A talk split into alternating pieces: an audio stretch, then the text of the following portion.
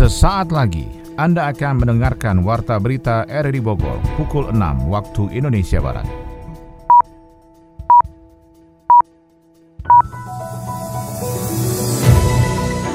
Selamat pagi dan salam jumpa. Kembali kami menyapa Anda dalam Warta Berita edisi hari ini, Jumat 23 Juli 2021. Siaran ini bisa Anda dengarkan melalui audio streaming di aplikasi RRI Play pada perangkat smartphone Anda dan turut disiarkan radio Tegar Beriman Kabupaten Bogor. Berita utama hari ini adalah angka kasus kematian COVID-19 di wilayah Jawa Barat menurun dari sebelumnya 269 orang menjadi hanya 80-an per hari. Belasan pelanggar protokol kesehatan di Kabupaten Bogor diberi sanksi sosial membantu petugas menggali kubur COVID-19. Kita ingin memperlihatkan bahwa COVID ini nyata, COVID ini ada. Jadi masyarakat akan berpikir ulang untuk berkumpul-kumpul, berkerumun. Pemerintah Kota Bogor memulai PPKM level 4 dengan pembatasan di tingkat kelurahan hingga penerapan ganjil genap. Sehingga tidak perdebatan di jalan. Tetapi kami melakukan ganjil genap sehingga dari melarang kami berubah menjadi mengatur agar masyarakat bersabar bergantian. Bersama saya Maulana Isnarto, inilah Warta Berita selengkapnya.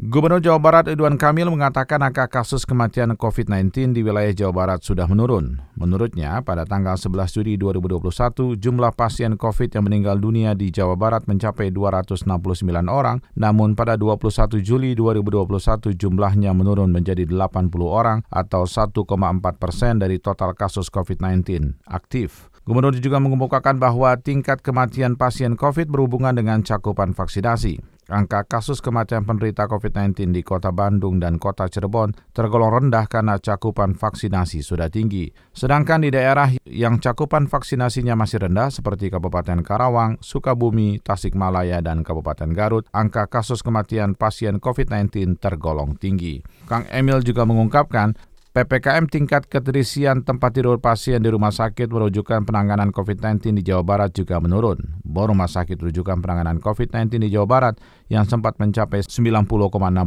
persen pada tanggal 4 Juli 2021 sudah turun menjadi 77,04 persen pada 20 Juli 2021.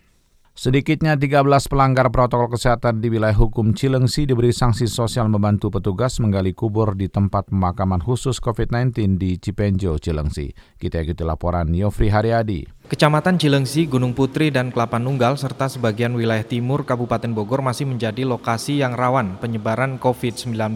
Wilayah berpenduduk urban terbesar di Kabupaten Bogor yang berbatasan dengan Bekasi dan DKI Jakarta tersebut juga menjadi rujukan lahan pemakaman bagi korban COVID di Kabupaten Bogor. Kamis pagi, jajaran Muspika Kecamatan Cilengsi Bogor mengumpulkan para pelanggar prokes yang terjaring operasi petugas untuk dibawa ke tempat pemakaman khusus COVID di Cipenjo, Cilengsi Bogor untuk diedukasi dan disadarkan bahwa COVID-19 itu nyata. Kapolsek Cilengsi Kompol Andri Alam mengatakan hingga Kamis siang ada 13 pelanggar prokes di wilayah hukum Cilengsi yang diberi sanksi sosial untuk membantu para petugas penggali kubur korban COVID-19.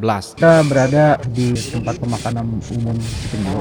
Tadi ada sekitar 13 pelanggar yang kita bawa ke sini dan kita lakukan edukasi. Yang sebelumnya mereka sedang menunggu sidang tipiring hari ini dan kita tawarkan kepada mereka mereka atas kesukarelaan mereka mereka untuk datang ke sini jadi tanpa ada paksaan mereka datang ke sini dan mereka menyaksikan dan kita lakukan edukasi di sini bahwa COVID itu nyata. Kita bisa lihat ya Pak warga yang sedang melaksanakan kegiatan pemakaman di tempat ini.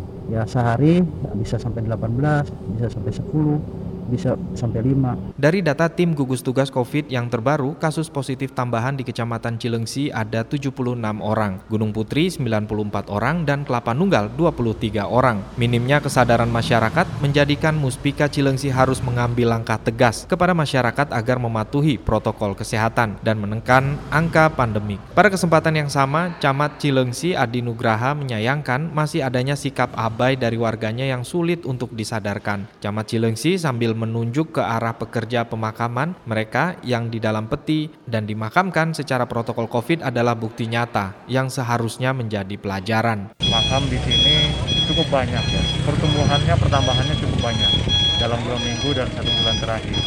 Kita ingin memperlihatkan bahwa COVID ini nyata, COVID ini ada.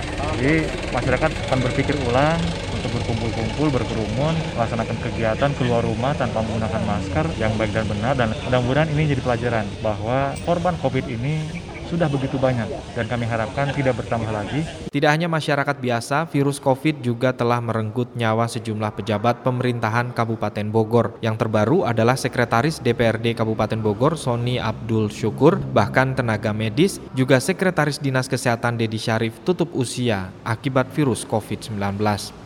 Pemerintah Kota Bogor mulai memperlakukan pembatasan kegiatan masyarakat PPKM level 4 dengan pembatasan di tingkat kelurahan hingga penerapan ganjil genap. Kita ikuti laporan Sony Agung Saputra. Pemberlakuan pembatasan kegiatan masyarakat PPKM level 4 mulai berlangsung di Kota Bogor dengan aturan yang membatasi ruang gerak dan kerumunan masyarakat saat pandemi COVID-19.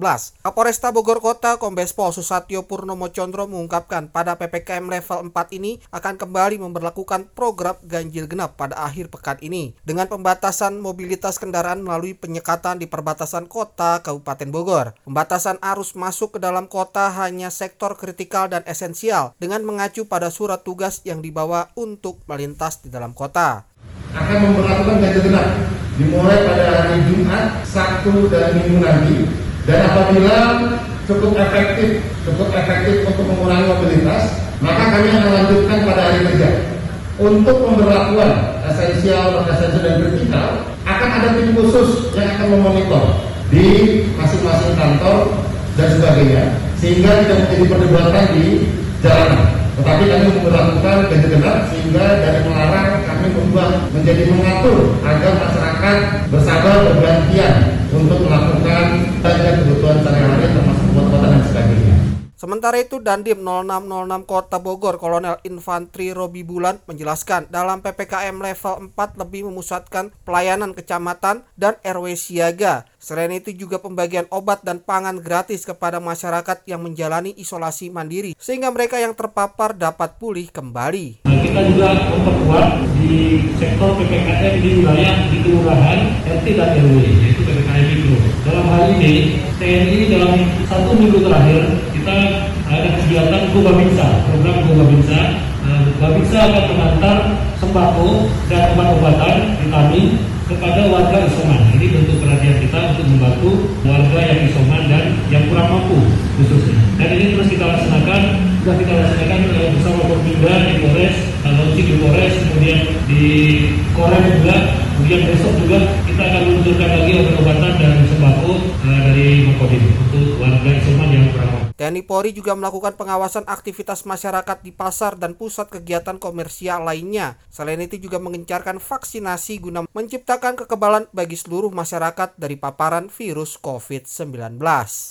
Ratusan warga terdampak COVID-19 di Desa Cijayanti, Kecamatan Babakan Madang, Kabupaten Bogor bersyukur mendapat bantuan Rp300.000 per bulan dari dana desa.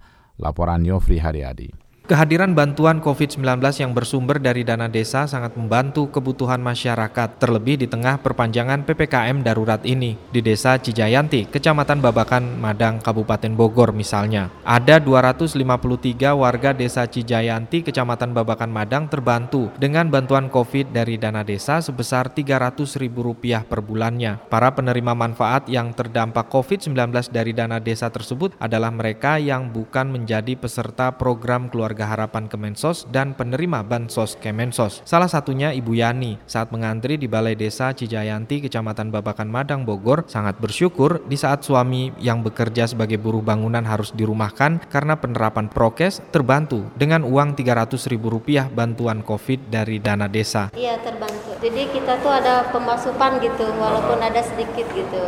Udah terbantu banget apalagi kalau banyak anak gitu kan ya. Suami kerja bangunan tapi itu kalau ada kalau misalnya nggak ada ya nggak kerja soalnya kan sekarang banyak dilarang kerja gitu Petugas pendistribusian bantuan COVID yang bersumber dari dana desa di Cijayanti, Babakan Madang, Effendi mengungkapkan sebelumnya penyaluran bantuan dilakukan secara door-to-door. Namun setelah wilayahnya tidak lagi menjadi zona merah, masyarakat dapat mengambil dana bantuan ke kantor desa melalui jadwal tertentu agar tidak terjadi kerumunan. Oh, 205 juga.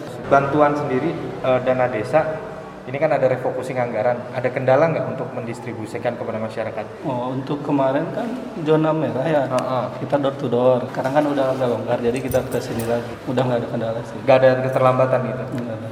Di tengah perpanjangan PPKM darurat hingga 25 Juli ini, masing-masing desa diberikan target untuk menurunkan angka penyebaran COVID-19 di wilayahnya dengan cara mengingatkan kepada warga untuk menahan diri tidak bepergian keluar wilayah dengan tingkat penularan virus yang tinggi atau membuat kegiatan yang menimbulkan kerumunan dan bantuan logistik menjadi hal utama dalam menyukseskan target itu.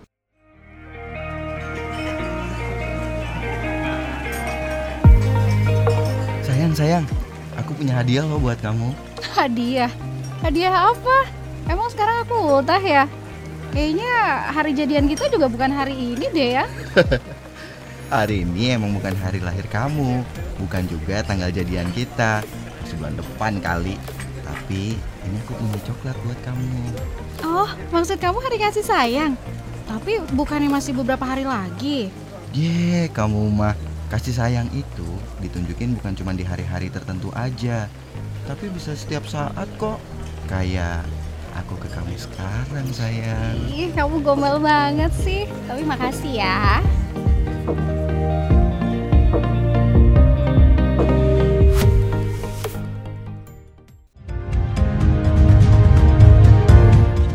Anda masih mendengarkan Warta Berita dari Bogor.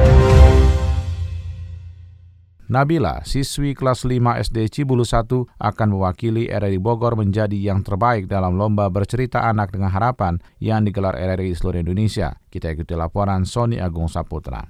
Sebentar lagi kan HUT kemerdekaan RI yang ke-76. Oleh karena itu kita harus semangat.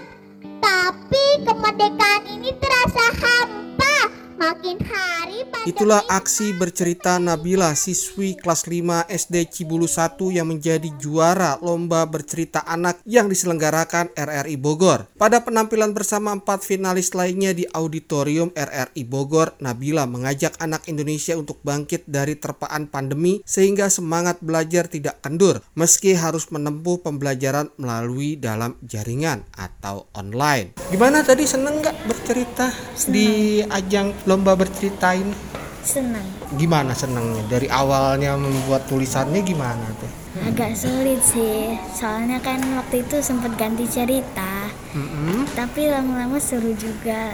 Terus seneng deh. Bete sih di rumah aja belajar di rumah lewat HP.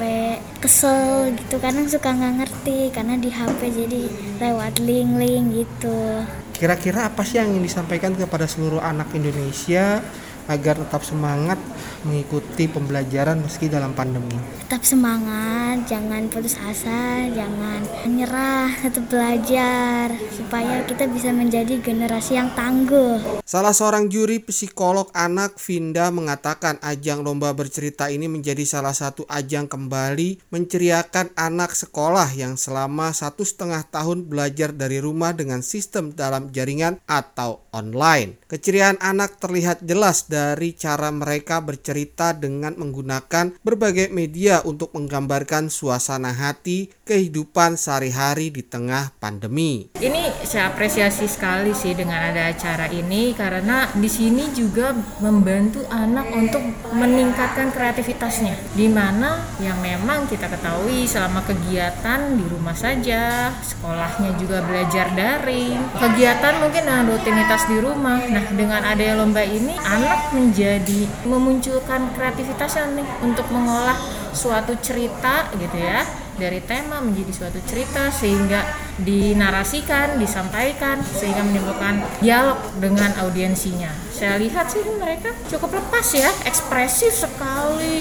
Juri lainnya Kabonci dari Dongeng Kota Hujan mengaku bangga dengan kreasi cerita anak yang menampilkan berbagai kehidupan sehari-hari dari anak Indonesia. Menurutnya di tengah pandemi ini perlu adanya terobosan dalam menggali kreasi dan inovasi anak-anak Indonesia dalam menampilkan minat dan bakat termasuk di bidang cerita. Ya sebenarnya sih biar anak-anak lebih percaya diri terus juga berani untuk menyampaikan apa yang ada di pikiran dan hatinya gitu. Mereka bisa menikmati masa-masa anak-anak walaupun dengan segala keterbatasan dan dirinya kan sebenarnya karena kondisinya saat ini dikembalikan ke rumah berarti kan mereka punya waktu banyak untuk bersama dengan orang tua. Nah, orang tua juga kan berarti kan bisa memberikan hak-hak anak walaupun dengan segala keterbatasan yang ada gitu membersamai anak gimana caranya biar walaupun di rumah anak-anak tetap bisa fun gitu banyak kegiatan-kegiatan yang sebenarnya murah meriah tapi bisa menyenangkan untuk anak-anaknya para pemenang lomba bercerita dari Bogor mendapatkan hadiah uang pembinaan jutaan rupiah dan berbagai produk sponsor untuk menggairahkan semangat dalam menampilkan kreasi seni minat dan bakat dalam bercerita pemenang pertama lomba bercerita tingkat nasional ini akan mengikuti ajang serupa tingkat nasional di Jakarta Agustus mendatang untuk bersaing dengan para juara lainnya dari seluruh Indonesia. Liburan semester adalah saat yang aku tunggu-tunggu. Rasanya merdeka. Tapi itu dulu. Sebelum terjadi pandemi virus corona di Indonesia.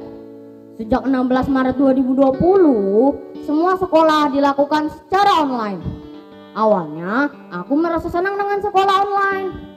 Tapi lama-lama aku bosan karena tidak bisa bermain dengan teman. Dari dunia ekonomi, Bank Indonesia kembali mempertahankan suku bunga acuan sebesar 3,5 persen. Perpanjangan stimulus ketenaga listrikan yang diberikan pemerintah dianggap langkah tepat membantu masyarakat berdampak pandemi COVID-19. Informasi yang disampaikan Rizka Dwi Rizky. Bank Indonesia atau BI kembali mempertahankan suku bunga acuan sebesar 3,5 persen dalam rapat Dewan Gubernur periode 21 dan 22 Juli 2021. Gubernur BI Ferry Warjio dalam pengumuman hasil rapat Dewan Gubernur bulan Juli 2021 di Jakarta Kamis mengatakan, keputusan ini sejalan dengan perlunya menjaga stabilitas nilai tukar rupiah dan stabilitas sistem keuangan karena ketidakpastian pasar keuangan global. Keputusan mempertahankan bunga kebijakan tersebut juga diambil di tengah perkiraan inflasi yang rendah dan upaya mendukung pertumbuhan ekonomi dari COVID-19. Dalam kesempatan tersebut, Bank Sentral juga memutuskan memutuskan untuk mempertahankan suku bunga deposit facility di level 2,75 persen dan suku bunga lending facility tetap sebesar 4,25 persen. Direktur Eksekutif Energi Watch Mamit Setiawan mengatakan, perpanjangan stimulus ketenaga listrikan yang diberikan pemerintah merupakan langkah tepat membantu masyarakat yang terdampak pandemi COVID-19. Hal itu bentuk kehadiran dan perhatian tenaga terhadap masyarakat yang sedang mengalami kondisi yang kurang baik. Mamit menyebutkan ada empat keuntungan yang diberikan oleh stimulus listrik tersebut, yaitu mengurangi beban masyarakat dan UMKM, menjadi pergerak perekonomian, menjaga daya beli masyarakat, dan keuangan PLN tidak terdampak. Menurutnya, UMKM dan industri kecil saat ini adalah salah satu yang sangat terpukul oleh pandemi karena secara otomatis bisnis dan usaha mereka terganggu. Pemberian stimulus listrik memberikan harapan bagi UMKM dan industri untuk kembali beraktivitas dan berproduksi guna meningkatkan perekonomian masyarakat. Pemerintah sebelumnya mengalokasikan anggaran perpanjang stimulus program ketenaga listrikan triwulan 3 dan 4 2021 sekitar 4,9 2,97 triliun rupiah yaitu triwulan 3 sekitar 2,43 triliun untuk 26,82 juta pelanggan dan triwulan 4 sekitar 2,54 triliun untuk 27,12 juta pelanggan. Saya Romo Mikael Endro Susanto, Wakil Ketua FKUB Kota Bogor. Mari bersama RRI Radio tanggap bencana COVID-19 pada kesempatan ini saya mengajak masyarakat Bogor untuk cuci tangan menggunakan sanitizer Lalu kita juga menggunakan masker di mana pun kita berada, jaga jarak 2 meter ketika bertemu dengan seorang, taati instruksi pemerintah, hindari perkumpulan-perkumpulan. Dan mari dalam masa isolasi diri kita masing-masing, kita juga diajak untuk berdoa di rumah yaitu bagi dokter, tim medis, relawan yang mereka berada di garis terdepan dalam memerangi COVID-19 ini. Berdoa juga bagi yang sakit supaya mereka cepat sembuh Berdoa bagi yang meninggal karena COVID-19 ini agar supaya amal ibadahnya diterima oleh Tuhan dan kita berdoa bagi anggota keluarga yang tinggalkan agar diberikan kekuatan dan sayangilah keluarga, sayangilah bangsa ini. Sekian dan terima kasih. Pengurus Cabang Persatuan Olahraga Berkuda Indonesia Kabupaten Bogor memastikan jadwal latihan atlet tidak mengalami kendala meski di tengah PPKM darurat yang sudah berlangsung mulai tanggal 3 Juli hingga tanggal 25 Juli mendatang. Laporannya disampaikan Ermelinda.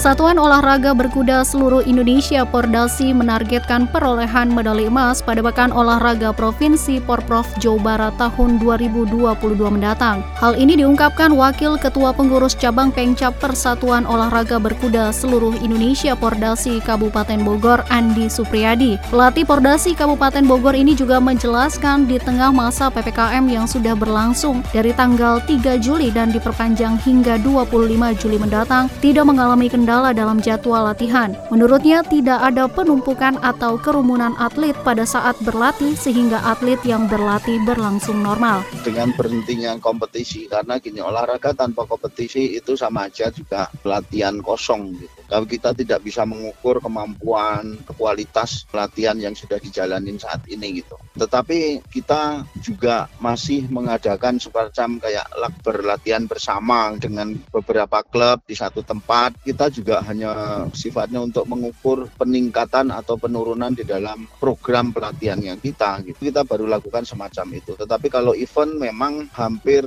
semuanya berhenti tapi kemarin ada event tapi kita juga tidak bisa menurunkan maksimal karena memang kendalanya atletnya kita boleh bertanding tetapi kita tidak boleh membawa kuda yang potensi karena memang situasinya takutnya kudanya juga bermasalah dan lain sebagainya gitu. Andi menambahkan atlet binaan yang ada saat ini berjumlah 13 atlet dan semuanya berasal dari Kabupaten Bogor. Sedangkan untuk pelatih merupakan pelatih nasional asal Kabupaten Bogor yang saat ini tengah fokus melatih di klub masing-masing. Sementara itu, Bibit Sucipto, Ketua Pengcap Pordasi Kabupaten Bogor Bogor menyampaikan dengan adanya PPKM sehingga beberapa event dan kompetisi harus terpaksa ditiadakan akan membuat turunnya performa atlet. Kalau untuk latihan kita kan atletnya tersebar di stable-stable yang ada di Bogor. Jadi kita belum ada pemusatan latihan. Tapi pada intinya kami latihan normal seperti biasa karena memang tidak ada kerumunan. Satu arena itu satu sampai dua rider saja dengan jarak yang jauh dengan pelatihnya. Jadi kalau untuk latihan kami uh, bisa dibilang dia tetap aktif, hanya saja frekuensi untuk terjun di eventnya saja yang nggak ada. Kami kalau untuk yang tim Kabupaten Bogor ada JN Stable di Green Belis, ada di Anantia Riding Club di Keranggan, ada di UBL Budi Luhur yang di sana yang di Tenjolaya sama satu lagi yang di Universitas Budi Luhurnya, ada di Pegasus Stable sama uh, satu lagi di Bos Stable. Bibit menambahkan di bulan Desember mendatang akan ada kejurnas yang akan diikuti atlet berkuda Kabupaten Bogor. Timnya berkomitmen untuk terus memperkenalkan olahraga berkuda kepada masyarakat sebagai upaya mencari atlet-atlet baru yang potensial.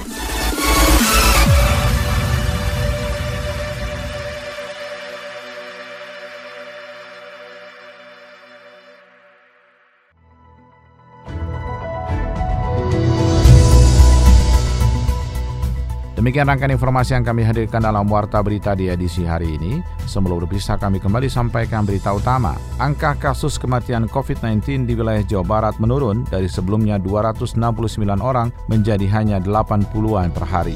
Belasan pelanggar protokol kesehatan di Kabupaten Bogor diberi sanksi sosial membantu petugas menggali kubur COVID-19.